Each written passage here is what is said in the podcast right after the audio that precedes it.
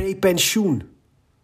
Breukersjournaal, 2 december 2022. Schrijven moet je, als je schrijven kan.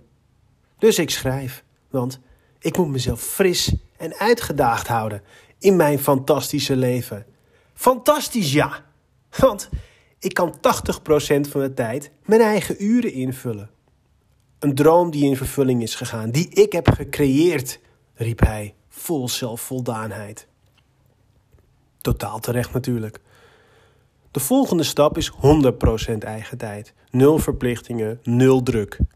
Deze week voelde het ineens of ik met pensioen ben gegaan op mijn 41ste. Wat jandori, een lekkere gedachte. Maar hoe dan? Vraag jij je misschien af. Kijk, miljonair ben ik verre van, maar ik heb mijn zaakjes wel op orde met wat inkomstenbronnetjes die mijn levensonderhoud betalen. En La Hof, mijn vrouw, zij werkt ook gewoon. Dus dat zorgt voor een prettig inkomen en kan ik dus alleen doen wat ik leuk vind. Zoals dit Breukersjournaal bijvoorbeeld.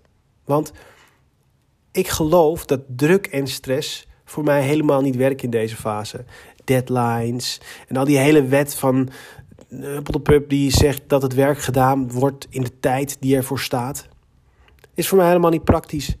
En het zorgt ook absoluut niet voor creatief hoogstaand werk. Ik heb wel doelen, maar als ik die niet haal, ga ik mezelf dus niet meer voor mijn kop slaan. Het ego is een lelijke zevenkoppige draak die elke dag in bedwang gehouden moet worden. Die druk en stress maakt me letterlijk ziek. Er is hard genoeg gewerkt om de basis in orde te hebben en te focussen op wat echt belangrijk is: gezondheid, fysiek en mentaal. En als dat op orde is, zweef je door het leven en komt geluk en geld mee in de slipstream. Ouder worden is geen pretje, fysiek althans voor mij. Mijn maag- en darmstelsel is even hotel als mijn ego. Het gedoogt alleen het allerbeste. Zaden, noten, kokoskwark, kilo's groenten.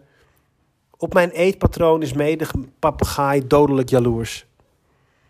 En om die rommel mijn mond in te krijgen, kost ook tijd. Soepen maken, naar de boodschappenwinkel en vooral veel dingen niet doen. Dus loop ik braaf dagelijks 10.000 stappen in het bos en top het af met een tripje boodschappenwinkel. Overdag natuurlijk, om al daar, samen stiefelend met de andere pensionado's, mijn nootjes, kokos en groenten voor de soep te kopen. Meine Güte.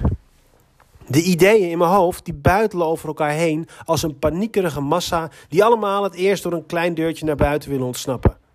Ja, hier is wat mededogen op zijn plaats. Want ik wil ieder idee, ieder verhaal, iedere film en ieder schilderij en street art plan in vervulling laten gaan. Een soort paniekgolf er dan door mijn lijf.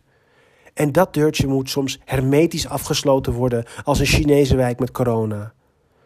Ogen dicht en even diep ademhalen en mijn mantra herhalen. Manjana, manjana. Een gepensioneerde heeft de tijd. De dood is nog ver weg en die ideeën blijven toch wel komen.